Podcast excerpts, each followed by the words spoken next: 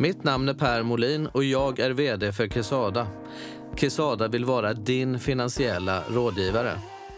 Vi sätter en ära i att vara lite annorlunda och vi brinner för att sätta en ny standard i branschen. Tack för att du lyssnar på Q-podd. En serie livsresor som berättas av Sveriges framtidsbyggare. Jag tror nämligen att vi alla är på en slags livsresa och behöver inspiration och stöttning längs vägen. Därför vill vi på Quesada vara din finansiella PT som finns där vid varje vägskäl. Välkommen till ett nytt avsnitt av Q-podd.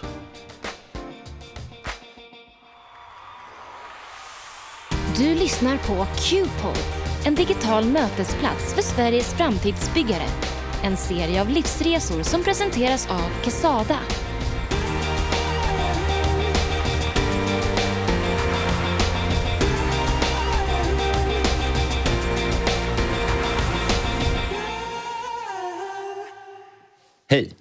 Rösten ni hör nu kommer från mig, Albert Klintberg. Till vardags arbetar jag som ledarutvecklare, huvudhandledare och retorikcoach samt är partner på Ledarstudion. Ett företag som erbjuder träning för folk som vill utveckla kommunikation och ledarskap. I dagens avsnitt av Q-pod så kommer jag att intervjua Ledarstudions VD och grundare Lena Ahlström. Hon är ledarutvecklare, retorikcoach och en samhällsförändrare och ett riktigt energiknippe med lång erfarenhet inom näringslivet som dels har gått från att vara personaldirektör och vice VD på en av Sveriges största banker till att starta eget med en dröm om att hjälpa andra att bli trygga i sin kommunikation och sitt ledarskap. Med en energi och ett engagemang som smittar av sig så har hon gått från att hyra små teaterstudior till att ha ett företag med drygt 1000 kvadratmeter i ett eget hus i mitten av Stockholm. Cirka 30 medarbetare och en verksamhet som utbildar tusentals människor varje år. Välkommen till Q-pod, Lena Ahlström. Tusen tack. Hur känns det? Toppen. Härlig morgon. Härlig midsommar. Ja. Du, ledarskap. Kan man träna på det? Absolut.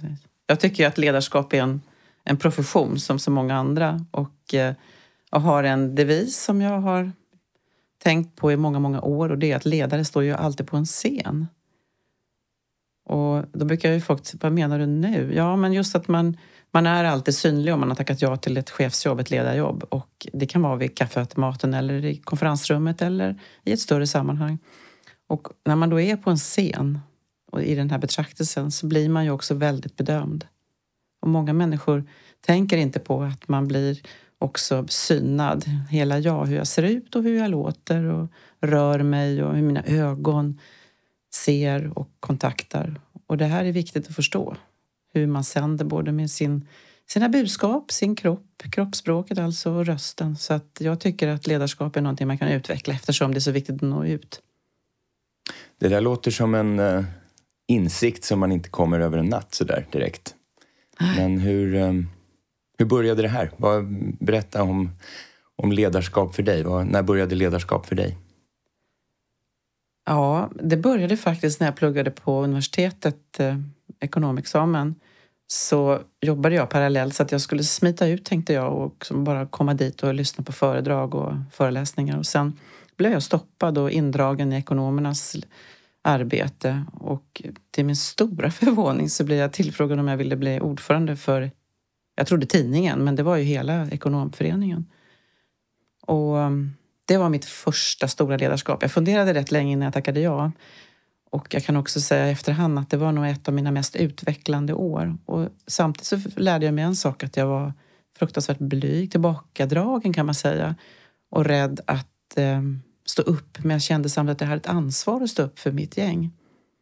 Och det som var roligt i det här var att jag plötsligt kom på att men gud, så här var det ju när jag jobbade som påklädare på Stadsteatern och mötte alla fantastiska skådespelare i, i kulisser som jag jobbade med och tog hand om och stöttade. Och, och de var blyga och lite tillbakadragna men hade lärt sig tekniker, metoder och verktyg för att kväll efter kväll gå ut på scenen och skapa det där rummet av magi. Där alla sitter och tittar. De spelar ju inte mot publiken, de spelar ju... De är ju där tillsammans för att skapa den här magin. Mm. Och då tog jag med mig den här tanken att eh, om det nu är så att ledare är synliga, hela tiden blir betraktade och bedömda, ibland bortvalda, ibland bekräftade. Och att det finns ett, ett område i vårt samhälle, hela kulturen och skådespelarvärlden och eh, att, att jobba sceniskt, att använda de verktygen för ledare. Så att eh, här kom idén att träna på ledarskap och få göra det. Och det här är viktigt, att man får göra det i en miljö där man får vara sig själv, testa, prova och göra fel. För var får vi göra fel? Det är den stora, tycker jag, utmaningen i vårt samhälle. Mm. Men sen har du jobbat med ledarskap inom SAS, började mm. det med. Ja. Var det träning redan där eller var det mera annat? Nej, men var, när jag pluggade då så, läste, så gjorde jag min uppsats om hur man förbereder folk som ska flytta utomlands, för jag är så fascinerad av andra kulturer. Och eh, då var SAS ett av de företagen som jag intervjuade i den här undersökningen och kom på den här tanken att eh, SAS som flyger till destinationer och ska koppla service till resande borde ju träna människor som ska bo i andra länder. Så att jag tog mod till mig och knallade upp och bad att få börja jobba där och bygga upp en sån verksamhet, interkulturell kommunikation. Och det var 84. Så då, då började jag jobba med ledarskap. Jag är ju ekonom, civilekonom med inriktning på marknadsföring mer för företag. Men där kom ju också kommunikationsspåret och det har ju varit min röda tråd. Kommunikation är ledarskap och ledarskap är kommunikation. Så att det har ju verkligen hängt ihop. Mm. Så jobbade jag sju år med det och sen blev jag ytterst ansvarig för all ledutveckling i hela flygbolaget. Och då var vi ju jag vet inte, 45 000 anställda och det var väldigt, en väldigt stor koncern, Jan Carlssons tid. Och sen kom det andra Jan och en tredje Jan som också jag har jobbat mycket med. Så sju år, vänta 13 år. Sju år med interkulturellt arbete och sen var det 13 år totalt. Vad skulle du säga är dina största lärdomar från den tiden? I SAS? Mm. Eh, det fick jag eh, med stöd av Jan Stenberg som var koncernchef några år för att jag ville bygga dialogformer för våra ledare, inte bara lära ut utan skapa inlärning. Och, och eh, då var det ju väldigt populärt också på 90-talet med att se grunden för lärande organisation. Och vi hade, så att jag arrangerade fem topp 100-forum fem gånger per år. Det var väl fyra, fem år. Och vi möttes inte för att det skulle vara några stycken människor som skulle för, liksom berätta vad som hände utan för att föra dialog om de mest strategiska och viktiga frågorna i företaget. Och så blandade vi ju hela tiden grupper eh, som satt runt varje litet bord med eh, representation från hela flygbolaget. Allt från piloter till folk inom ekonomi och HR och allt. Så det blev ju oerhört spännande möten och alla vill ju, liksom när nästa topp 100-forum, alla vill ju ha, inte, inte missa möjligheten att få vara med. Så för mig blev grunden till det lärande, det är ju ett vardagslärande, inte, eller ett vardagslärande där man faktiskt lär av varandra. Man lär av andra så man kan få inspiration.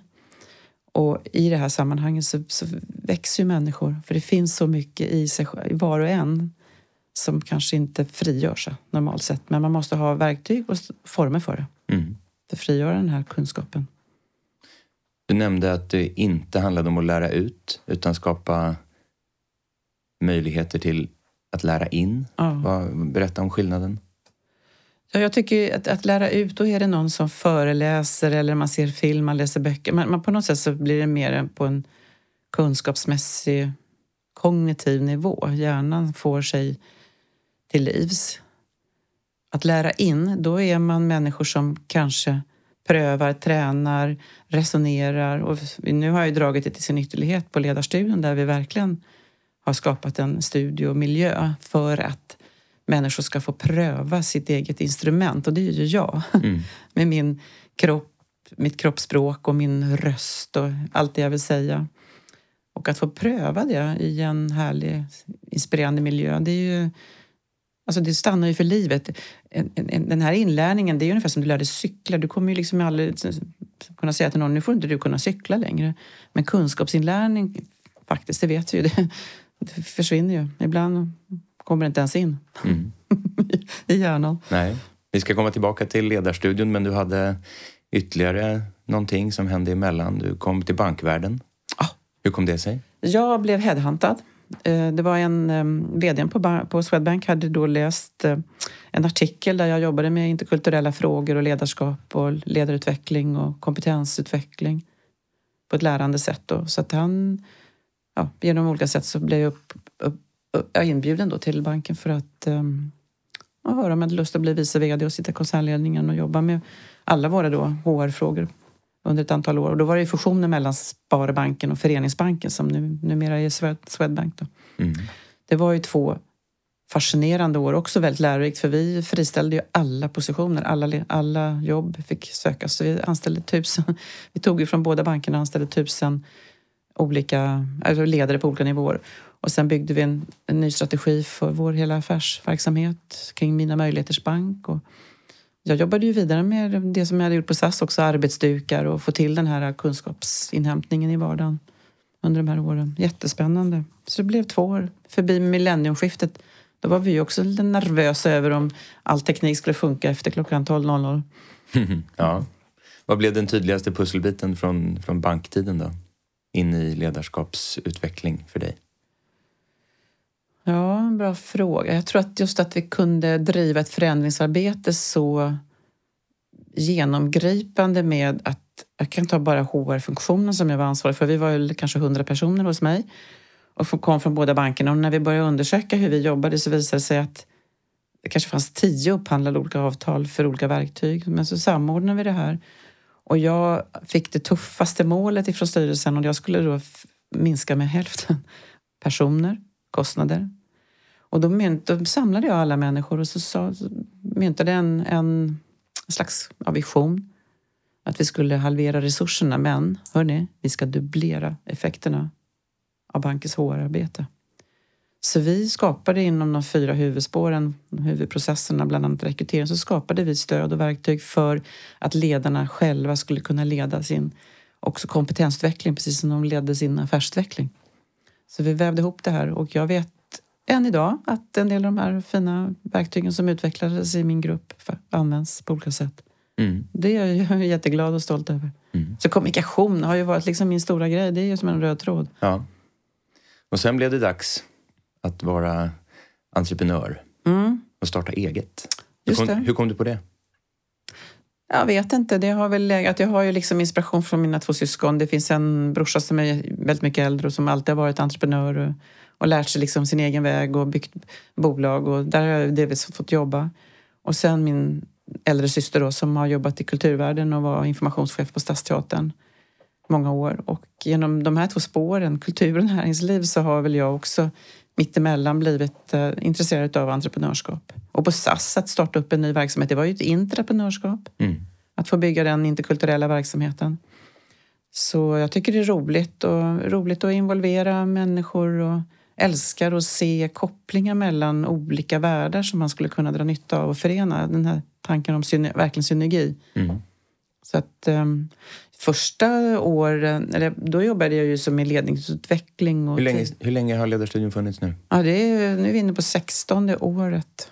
Men jag lämnade ju banken 2000 då, så att de första två åren så var jag mera som ledningsutvecklare och ledarutvecklare. Det var väl några som försökte ragga upp mig för personaldirektörjobb, men jag, nej, jag kände att jag ville prova själv. Ja. Och var du själv då? Ja, jag jobbade med ett litet nätverk av konsulter som vi satt i en gammal panncentral i Vasaparken. Mm.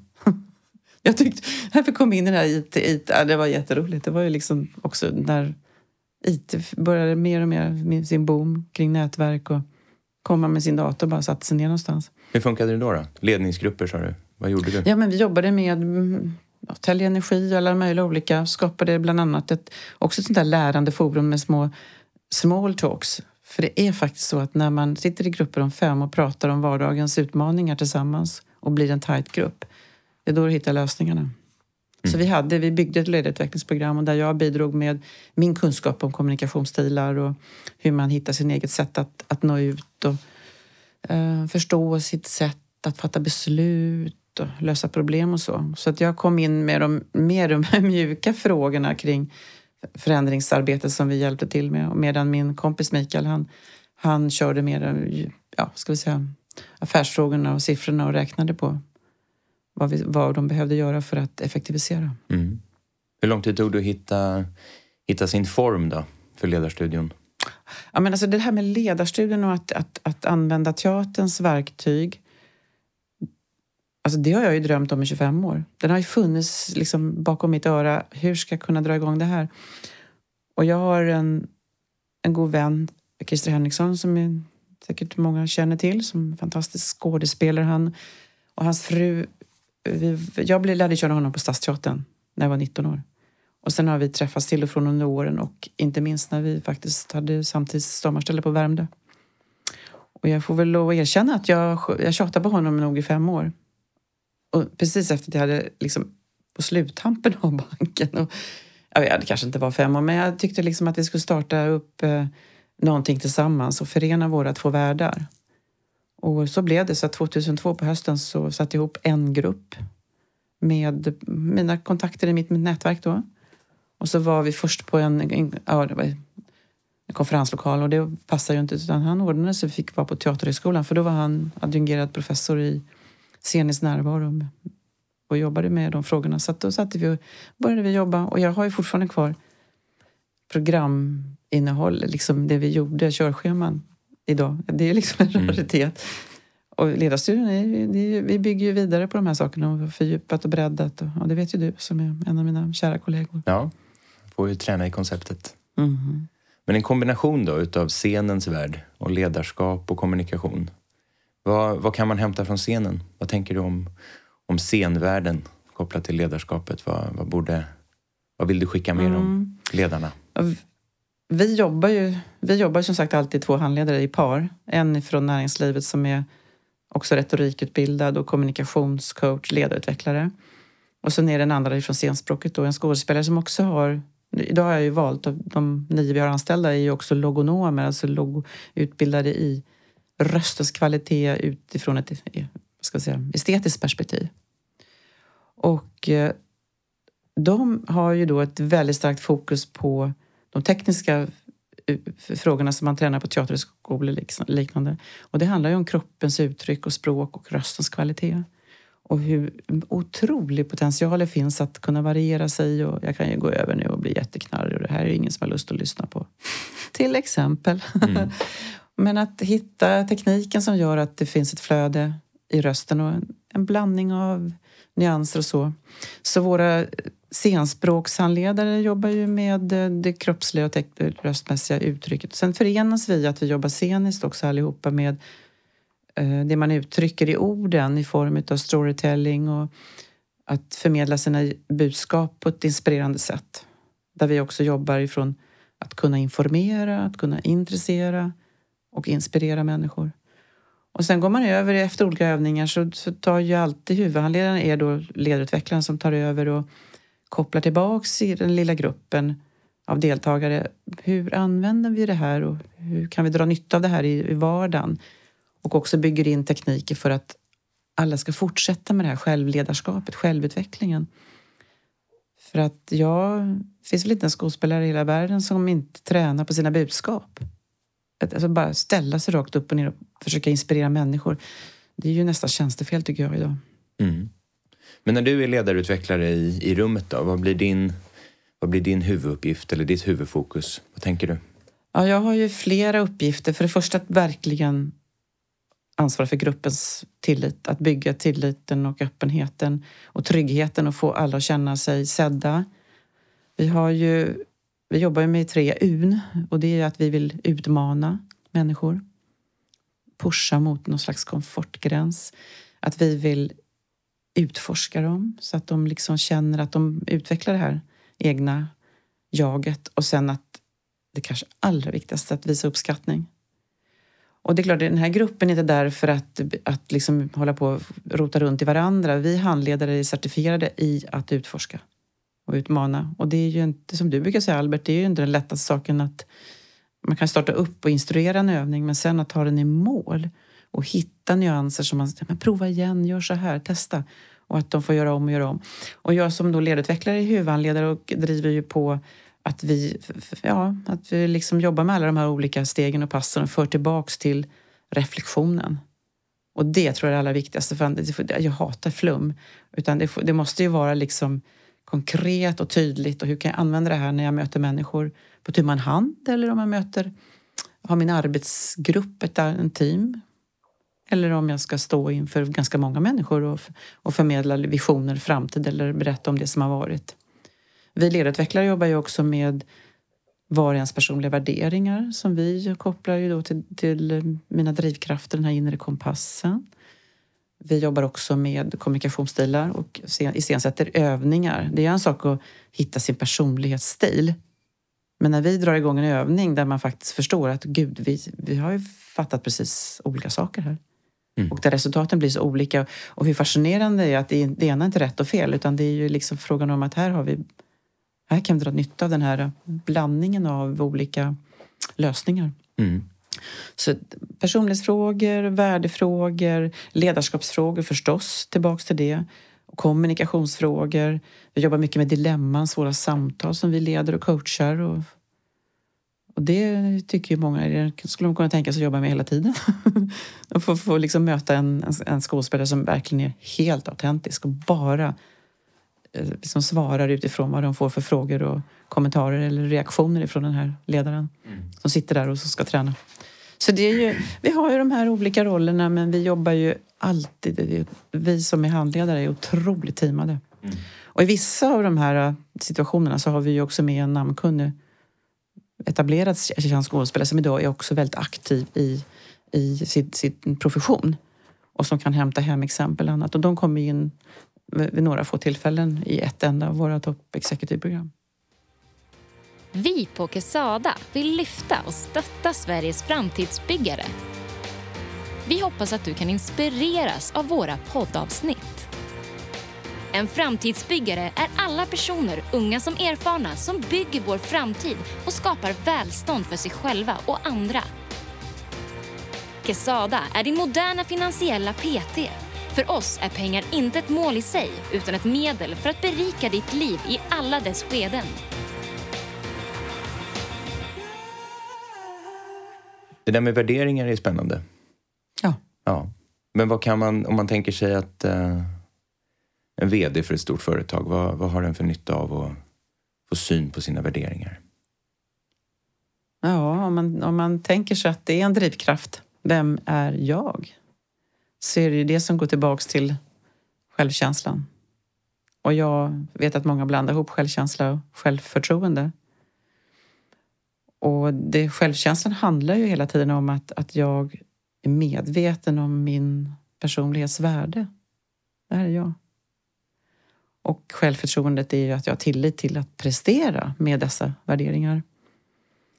Och jag vet att många som blir utbrända och inte orkar, där, där, det handlar inte om att man jobbar mycket för att ha, trivs man i den miljö, kontext man finns i, där värderingarna som ja, alltså jag känner ju, vi på Ledarstudion delar ju mycket av mina grundläggande värderingar förstås, men då blir man inte så utbränd att, att ljuset brinner ner. Men, men om värderingarna ifrågasätts hela tiden och att de inte får komma till uttryck, då är det ju som att man, man bränner av det som är ens energi. Mm. Så jag tror att de som inte har tagit reda på vilka, vilka ens fem kanske viktigaste drivkrafter, värderingar är, de, de har tappat mycket av sin potential att leda andra människor. För jag har en idé om att, som många tror jag har som jobbar som ledutvecklare, men att det är sid, tre sidor av en triangel. Jag måste i grunden kunna leda mig själv. För hur ska jag kunna leda dig eller alla, alla andra kollegor? För vi har olika värderingar. Och då kan jag leda andra när jag förstår vilka värderingar som samspelar mellan oss och vilka som inte gör det. Och sen för att kunna leda mitt uppdrag då, min uppgift. Mm.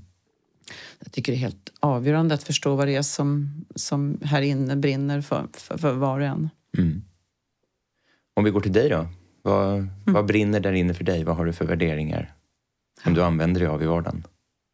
Ja, det är väldigt tydligt att omtanke är en väldigt viktig värdering. Mm. Den har jag med mig. Det är en sån här riktig långkörare som alltid kommer aldrig försvinna heller. Den handlar väldigt mycket om att, att ta hand om och bry mig om. Var kommer den ifrån då? Ja, när jag var 16 år så var min mamma på en begravning i Karlstad. Och då bodde, jag har ju äldre syskon som jag nämnde förut och då var, de har ju inte bott hemma egentligen någon gång när jag har bott hemma. Pappa och jag befinner oss ute i Vårby där vi bor i ett hus och så ringer telefon på eftermiddagen en fredag och då är det från sjukhuset i lasarettet i Örebro. Där en kvinna berättar att mamma och, och sällskapet hade varit med om en bilolycka och att hon var väldigt skadad. hade fått en smäll, satt bak i bilen. De, de hade blivit påkörda och sytt ihop henne från topp till tå. Men de skulle skicka hem henne på natten så att de ville bara kolla att vi var hemma och berätta att det hade hänt. Hon kommer hem som ett litet paket, fortfarande i sina sorgkläder. Ja, det var jobbigt. Och så började en period där mamma hade långsamt tillfrisknande. Och där hon kände liksom att jag var hemma. Jag pendlade mellan, gick i gymnasiet då, så jag flackade och for fram och tillbaka med min lilla moppe. Och tog hand om mamma. Och eh, ja, den här omtanken om henne och sen blev, fick hon en hjärntumör och sen fick pappa, mamma gick bort när jag var 21 och pappa gick bort strax senare. Så jag hade ju sju år där jag verkligen tog hand om dem och stöttade dem. Och också deras omtanke fanns ju om mig och har alltid funnits som föräldrar. Så det är först på senare år jag har förstått att, att jag blev så präglad av att det är så viktigt att bry sig om varandra. Men så finns det också en annan insikt som har kommit på senare år och det är att jag har haft en tendens att bry mig om alla andra men jag har glömt bort mig själv. Mm. Ja, omtanke går åt flera håll såklart. Mm. Mm. Hur tar du hand om dig själv idag då? Ja, mycket bättre. Tror jag. Mm. Fast jag kan nog säga att jag tappar lite där också. Glömmer bort det, hjälper alla andra. Glömmer bort mig själv. Jag tror att det är viktigt att också... Alltså jag, gjorde, jag gjorde en, en, faktiskt en livsstilsförändring för ett och ett halvt år sedan där jag bestämde mig för att börja träna på ett annat sätt. Att öppna upp. Liksom det fanns någon typ av inspiration som gjorde att jag började öppna upp mer och börja träna och gick ner i vikt. Och inte för att banta utan för att leva mycket mer sunt och våga vara ute mer. Och jag tror att det med den glädjen som kom av det så, så blev jag också en mer attraktiv person för andra och då plötsligt så öppnade mitt liv upp lite grann. så det var ju kul. Mm. och sen har jag Ja, jag jobbar, driva eget tar, tar ju tid va? så det har jag jobbat jättemycket. Men ehm, Sen har jag ju väl... Eh, vi skilde oss också för tio år sedan, jag och Gunnar, som vi för övrigt är väldigt, väldigt goda vänner idag. Men, men det gjorde ju också att jag fick möjlighet att efter skilsmässan, att, att när vi sålde vårt sommarställe, att kunna investera i, i en lägenhet i Palma. Det här är ju fem år sedan nu och det gjorde jag i rätt tid. Så att, det är en oas. Så att det är jättekul. Lite mer omtanke om dig själv där? Ja, det kanske blir det. Och med, med härliga vänner och Härligt. Friskt liv och tränar mycket också där nere och roligt och så. Mm. Andra värderingar som du använder dig av eller som du har med dig i verksamheten? Eller? Jag tycker tillit som hänger upp med ärlighet. Mm. Kanske ärlighet är lite mindre starkt men den har alltid varit så otroligt viktig för mig att människor är ärliga. Kanske man inte säger, säger liksom allt för att såra men, men man, om jag skulle uppleva att någon ljuger för mig, då är det tack och godnatt. Så är det. Så den, och det kommer också från mina föräldrar som har varit väldigt noga med att man, man måste vara uppriktig och ärlig och stå för vad man gör och, och göra rätt. Verkligen rätt. Mm. Ett av eh, värdeorden i företaget är mod. Mm. Kommer det ifrån? Krävs mod för att vara entreprenör? krävs mod i en massa sammanhang, men vad, ja. vad betyder mod för dig?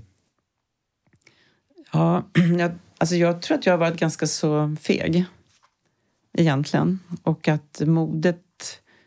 Inspiration delvis har väl kommit kanske lite från min bror men, men, men eh, han var ju alltid så att han trodde på mig. Och det har ett underbart exempel när vi var i Alpen och åkte skidor och längst upp på en topp och så skulle, då skulle vi, det var svart piss ner och så var det något lättare åt höger. Och jag ville ju ta den enkla vägen ner och då tittade han på mig bara, nej men vi kör här, svarta. Ja, men jag vet inte om jag klarar det. Och då tittade han på mig och sa, ja, men jag ser ju att du, ja, men herregud, du åker skidor som en duktig. jag åkte länge. Så han drog. Jag vet att du kan, sa han. Och så drog han. Och det var ju bara att hänga på. Men det gick ju jättebra. Så att jag, har ju, jag vet ju att det finns. Sen har ju jag tappat modet också under vissa år. Jag tror många känner igen sig i det faktum att när man får småbarn så blir... Där, när våra döttrar föddes så blev jag plötsligt jättefeg igen och vågade knappt åka bil upp till Dalarna. Alltså jag var jätterädd för allting, att det skulle hända dem någonting. Och sen har jag på senare, liksom, ja, jag vet inte hur många år sedan nu, men ja, olika andra människor som har inspirerat mig till att göra saker och de kan bara dyka upp när jag känner oh, vad läskigt det här var. Och så tänker jag, ja, men det skulle nog hon eller han göra? Och då, då känner jag att det här, ja, jag får väl lov att testa då. Men jag har ju, så att modet har blivit mer och mer och att, att starta den här verksamheten förstår jag att många tycker var modigt. Men jag tänkte nog aldrig så utan jag var så fylld av den här passionen att, att kunna... Vi har ju en vision som jag brinner för och det är att kunna hjälpa eller stödja ett samhälle som kan bli bättre genom att människor förstår. Men det viktiga är att man berör varandra, att det finns en... Att, det finns en, att man känner att det griper tag här inne i hjärtat. För jag, sen mina retorikstudier så har jag också en, en tes och det är ju att människor kommer inte ihåg vad du säger men de kommer ihåg känslan du skapar. Och där, det är ju det vi tränar mycket på. Hur hittar jag den här känslan här inne? Hur hittar jag förmågan att kunna känna själv? För att andra kan ju inte känna om inte jag känner. Och med det här och mitt arbete de här åren så har väl mitt mod också vuxit. Och, men övertygelsen, den fanns i botten att det här behövs. Att kunna få möjlighet att göra fel och inte bli uthängd. Och få vara modig och få göra saker och testa, prova. Mm. Vad behöver du våga i vardagen idag? Finns det för saker som du måste våga för att det ska funka? Mm. Alltså jag, har ju, jag har ju varit så himla rädd för att stå inför publik. Alltså någon form av talängslan. Och det har inte varit av blygsel egentligen har jag också insett. Utan det var att jag alltid lärt mig att, att vara tillbakahållen, tillbakadragen. Och även om mina syskon har inspirerat mig otroligt mycket så har de också förstört för mig, för de tog alltid över jämt. Hem, matbordet överhuvudtaget. Liksom. För började jag säga någonting så var det åh, spännande, så började de prata istället. Så att, jag kände väl att eh, jag hade nog inget bra att säga, så att jag tyckte inte att jag dög. Och fortfarande har ju det alltid funnits där och det har bleknat med åren och jag, gjorde, jag känner att jag var en milstolpe här på vårt 15-årsjubileum i höstas. För om min resa har varit att jag har hållit mig bak tillbaka till att jag har börjat lite grann stå bredvid. Du ska veta att all, under alla de här åren i banken så stod jag på scen en gång. En gång och då höll jag på att kräkas. Och jag har ju också en upplevelse från SAS när jag stod på scenen efter ett år inför mina kollegor och chefer och fick en blackout som hette duga. Det var ju liksom en nära döden upplevelse. Men um, tog mig igenom den och faktiskt, de bar mig genom hela det här. Liksom, då skulle jag berätta om våra interkulturella arbete och jag svartnade och jag visste inte vad jag skulle säga. Hade absolut inget att säga och sen bara räckte upp handen och Hallå, liksom det har hänt något.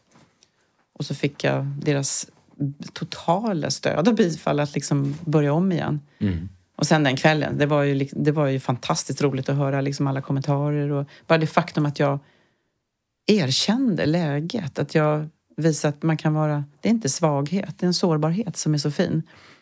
Men att jag också fick stöd att ta mig igenom. Och där vet jag att jag har också under alla dessa år utvecklat en annan väldigt, väldigt viktig värdering och det handlar om närvaro. Och jag ska komma tillbaka till den, men just det här med att, att stå själv tyckte jag var obehagligt och sen började jag stå bredvid andra, men lite bakom. Och sen ställde jag mig lite mera, lite framför med de andra fick stå lite vid sidan av. Och det som hände på jubileet nu, faktiskt första gången som jag sa till Maria, heter hon, som skulle, hon pianist och satt och spelade på scenen och vi hade tänkt att hon skulle sitta där. Så sa jag, nej men Maria, du, vet du vad, jag känner så här, jag ska stå själv på scenen. Så då gjorde jag det och så berättade jag om, för att det var 15-årsjubileum, lite grann bakgrunden och historien. Och kände att jag var mig själv. Kunde ta in det som hände, tillbaks till närvaron. Att jag mm. verkligen kunde se det som hände i gruppen. Det stod ju 280-300 personer framför mig i mörkret nästan. Nej, det var det inte, men det var nästan. Så det, det, här, det här att våga kliva fram. Att, jag får ju möjlighet att träna varje dag i våra program när vi har träning och så. Så det är ju jätteroligt. Men det är klart att det krävs mod. Mm. Och förberedelse. Det går ju inte att ställa sig där utan att vara genomtänkt. Och även om man gör de här programmen, och jag vet inte hur många hundra jag har gjort, så är det ju fortfarande så att jag måste förbereda det. Mm. Det kan finnas en ny liten krok som jag skulle vilja öppna med just vid det här tillfället. Men alltid också tänker jag på dem jag möter i den här gruppen. Vilka är de nu då? Mm.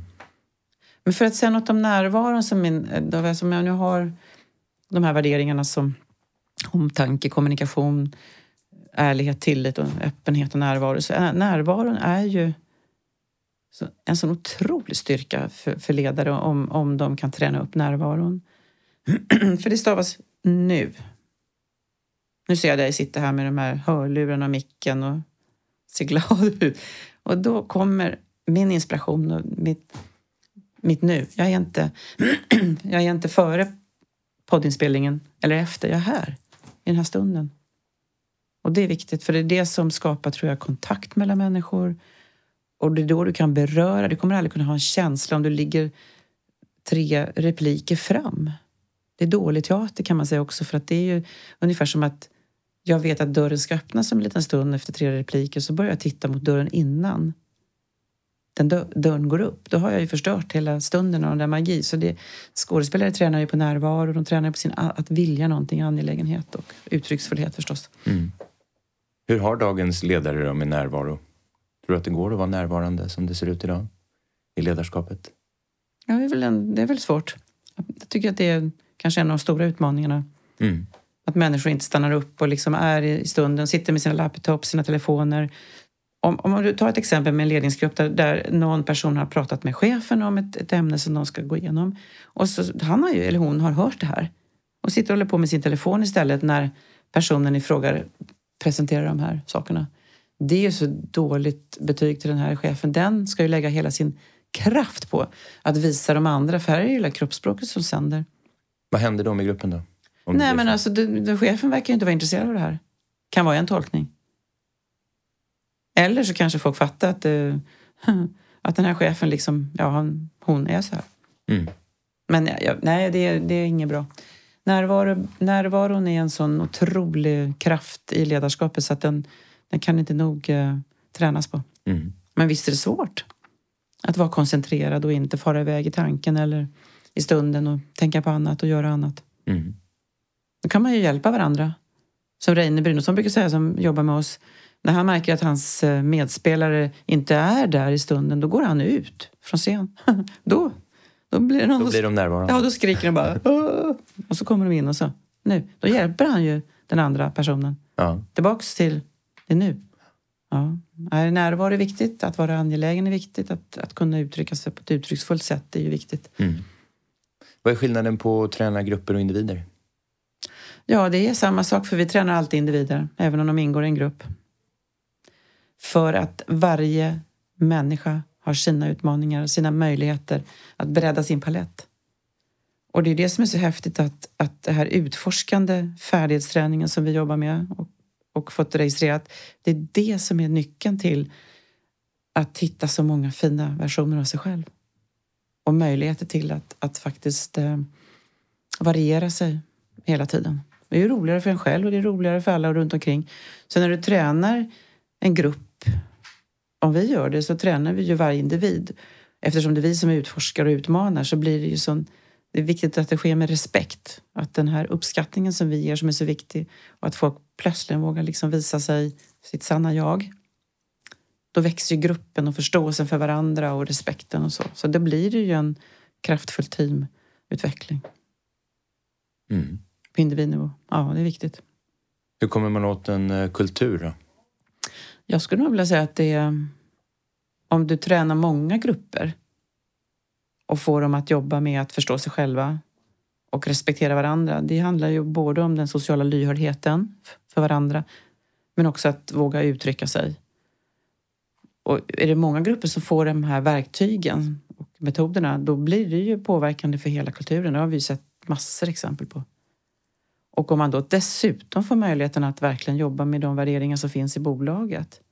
Vi har ju omtanke, mod och kvalitet som värderingar och det jobbar ju vi med återkommande när vi har våra egna interna. Och inte minst varje gång vi har kört ett program så sätter vi oss och reflekterar. Hur gick det här? Hur, hur kunde vi se våra kära deltagare? Hur såg vi varandra? Och vad behöver alla för utveckling och ytterligare utmaningar och stöd. Och den, i den reflektionen så visar ju vi omtanke åt alla håll och säkerställer den kvalitet vi vill ha. Så att um, kör många grupper så blir det bra kultur. Och det, var, alltså det är ju mitt stora ämne, interkulturell kommunikation, att förstå kulturer. Mm. Men, men, det går ju inte bara att definiera värderingar, du måste ju förstå beteendet. Det är ju beteendet som gör att du ser kulturen, hur människor uttrycker sig genom sin, sitt språk och hur de beter sig mot varandra. Och det, det tredje som bär kultur, det är ju alla symboler som finns i en organisation. Otroligt viktiga kulturbärare. Och sen hoppas jag att ledare förstår att, de, att den högsta chefen är den viktigaste kulturbäraren. Folk tittar, kollar. Vet du, när jag flyttade från SAS, då, först när jag började SAS så var vi i Bromma. Då var vi utlokaliserade på 28 små ställen runt om Bromma. Jag satt själv i en barack vid flygplatsen i farten så man fick ju sluta telefon när flygen landade. Men eh, sen flyttade vi till Frösundavik. Ett glashus med en trappa man kommer in på plan tre och så går det ner till tvåan, till ettan. Alla går och så hade de ett litet vattenfall för man inte skulle höra upp i hela huset vad alla pratade om. Men alla såg varandra. Och då var Jan Karlsson chef, det här var 88. Och han tyckte om att klä sig i snygga kostymer. Och jag kan säga att alla de ekoskorna och jeansen som fanns i Bromma försvann på 14 dagar. Det var ingen som sa något. Det var bara det att alla bara plötsligt såg Janne. Och då skulle folk se ut så. Mm. Men jag hade inte kostym. Nej. Men apropå närvaro. Jag satt nere i våran piazza eh, vid ett tillfälle. Jag hade väl jobbat i SAS några år. Satt och fikade med någon på morgonen. Eh, Så såg jag Janne komma in från garaget och så var han på väg till hissen och den var mitt emot åka upp till sin, sitt rum. Och så plötsligt fick han syn på något och så vände han och så gick han ner för trapporna igen och gick bort. Så kom han fram till mig. Så tittade han på mig och sa, Hörru Lena. Alltså 26 000 anställda. I och för sig så hade vi lite kontakt men inte särskilt mycket. Mm. Vet du vad? Jag var i Paris precis eh, veckan här och träffade handelsattachén. Och så berättade jag om interkulturell kommunikation och vad du bygger här hos oss och vad, vad fint det är. Så hon fick... Eh, eh, jag fick hennes kort här och hon ville absolut att du ska ringa henne och se om ni skulle kunna göra något utbyte. Det gav mig två känslor. För det första att han visade sån otrolig närvaro. Dels att han hade pratat om verksamheten och mig där nere. Men också att han faktiskt kopplade det här vidare till, till mig då när han plötsligt fick syn på mig på jobbet. Det, han var ju så otroligt närvarande. Mm. Och den inspirationen. Han var en kulturbärare ut i fingerspetsarna Mm. när han var på SAS. Är fortfarande idag. Det är ledarskap. Ja, det är det. Riv pyramiderna. Mm. Mm. Ja, det, var, det var en fin förebild. Du har träffat många ledare. Du Mm. träffar många ledare. Mm. Har gjort länge. Mm. Vad har det varit för eh, trender eller för förändringar i ledarskapet som du tänker på är tydliga? Mm. Jag tycker att man har liksom blivit mer öppen för att de här mjuka frågorna som handlar om relationer, värderingar och att se varandra har blivit mer och mer viktiga. Vi har ju så otroligt många inom finansbranschen som kommer till oss idag och som kanske säger lite skämtsamt jag trodde bara det var siffrorna som var viktiga men som inser att det siffror kan också presenteras på ett otroligt inspirerande och eh, intressant sätt. Och det, det tycker jag, den förflyttningen till att se människor och på individnivå har blivit mer tydlig med åren. Men det är en lång väg att gå. Mm. Och jag, jag bär mig med mig det som hänt nu kring fotbolls-VM här just nu. Och Jimmy, han, han som blev så utsatt av rasism här nu och hur Jan, Jan Andersson då som ställer upp, de, hela laget ställer upp för honom och hur han får möjlighet att uttrycka sin besvikelse över det här rasistiska påhoppen och hur bara rent kroppsligt så stå, står laget där och Jan Andersson står bredvid honom nästan med, håller om honom och inleder med att den här träningen kommer ske på ett annat sätt idag. På ett sätt som vi aldrig har startat. Men Jimmy vill berätta någonting för er och det var ju massa journalister där. Och det han säger nu kommer han säga nu. Och sen kommer inte vi prata om det här mer sen, kommer vi fokusera på vår fotboll. Och det här är ledarskap för mig. Han visar sån tydlighet och synlighet och det är mjuka frågor och det är viktigt att man tar ställning. Och man säger någonting som är inspirerande. Så det, nu ser man ju i media här vilken kraft det, får mot rasism. Mm. Och det är en symbolhandling, det han Mm. gör. Mm. Och det är ett stort värde också hur hela laget efteråt också bara bekräftar det här. Vilken kraft. Ja, alltså, du och jag var i Malmö för ett tag sedan och då blev jag också inspirerad av en företagsledare. Men det, den här personen han sa ju verkligen någonting som är så roligt därför de bästa teamen, de har de bästa omklädningsrummen. Det. Och det är ju så fint det här med att ett, ett lag som tränar, tänk ett omklädningsrum där man får skratta och gråta, skrika, bli förbannad. Och, men ändå så finns det ett individperspektiv, för det finns stjärnor, men stjärnorna samspelar. För de har ju sina platser på planen. Forwards, backar. Och så samspelar de i ett ekosystem som kommer ut och som faktiskt vinner tillsammans och stöttar varandra. Så att jag tycker företag ska bygga de bästa omklädningsrummen. Mm. Så att det, det är okej okay att bli arg. Det är okej okay att bli glad. Det är okej okay att få vara, visa känslorna. Ja, där har du väl en trend att det kommer mer och mer. Ja. En öppenhet för att få våga visa känslor. Mm. Men det är inte lätt för alla. Vad är du, eh, vad är du nyfiken på framåt? Vad tänker du kommer att hända framåt apropå trender som inte har kommit än men som kommer? Ja, jag tror ju kommunikationsspåret det är ju, kommer ju aldrig ta slut. Det är, liksom så, det är så avgörande för att vi ska få ett bättre samhälle. Men jag tror att vi befinner oss i en svår sits. Med alla motsättningar och alla problem, alla frågor.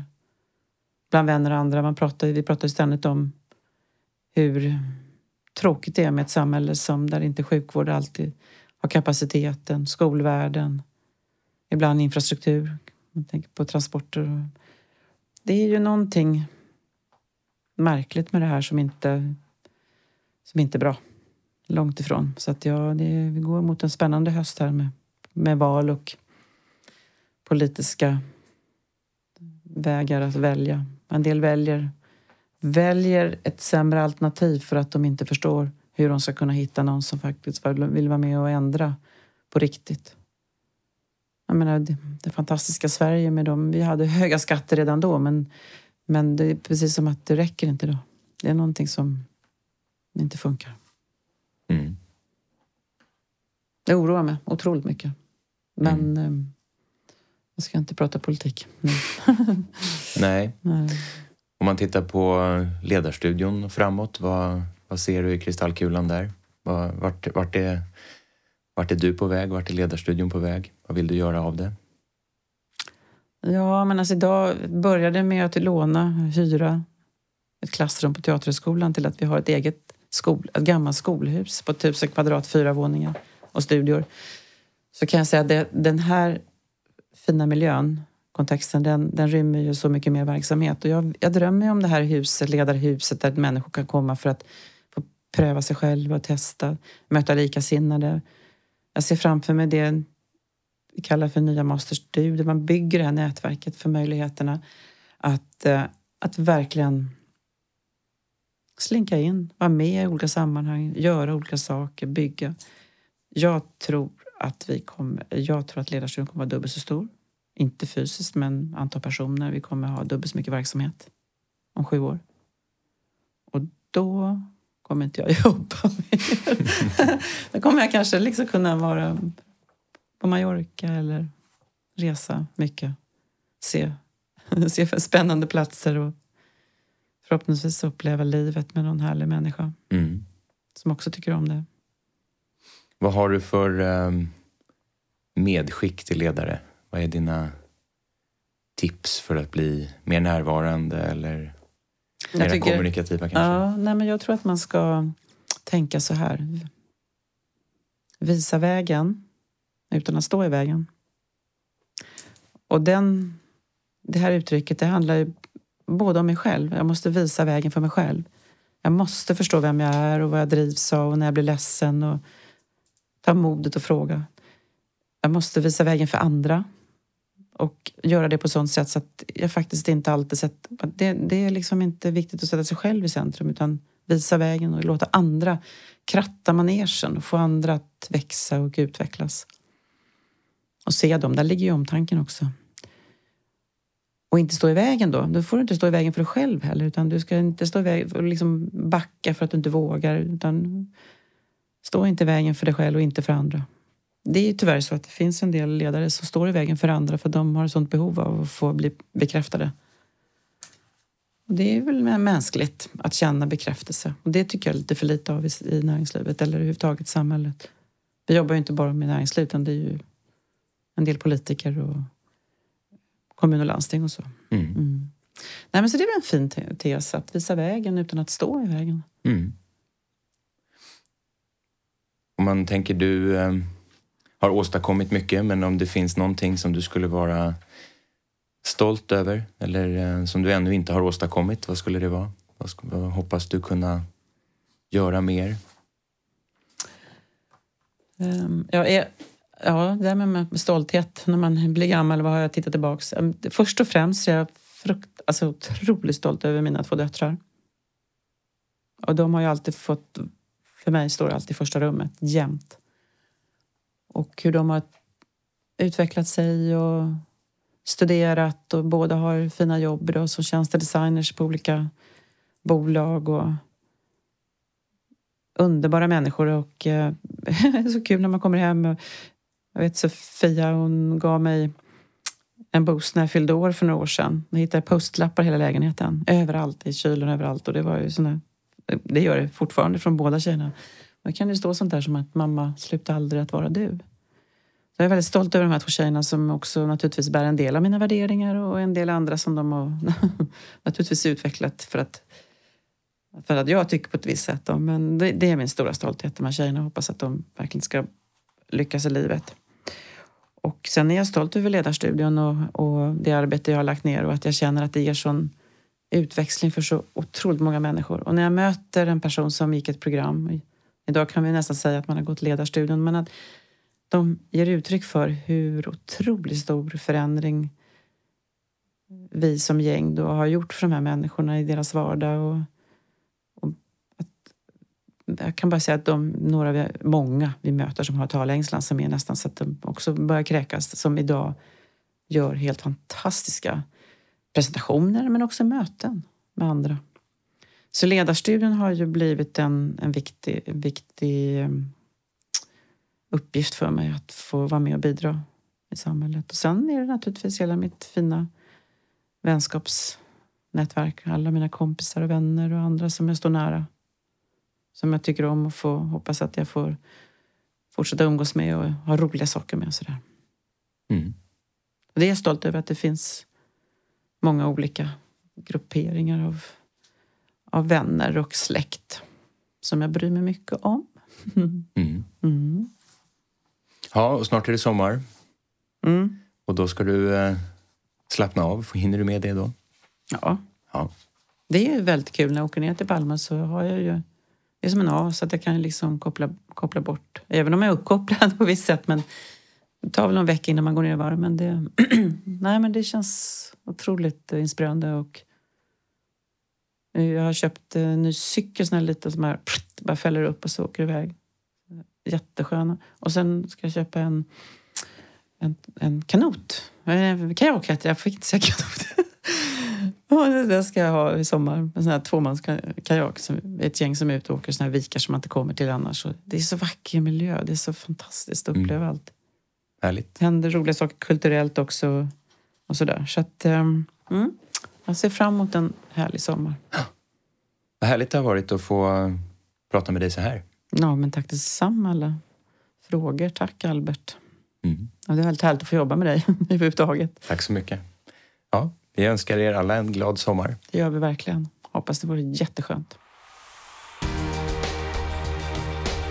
Du har lyssnat på Q-Podd, som är en podcast som lyfter historierna bakom Sveriges framtidsbyggare.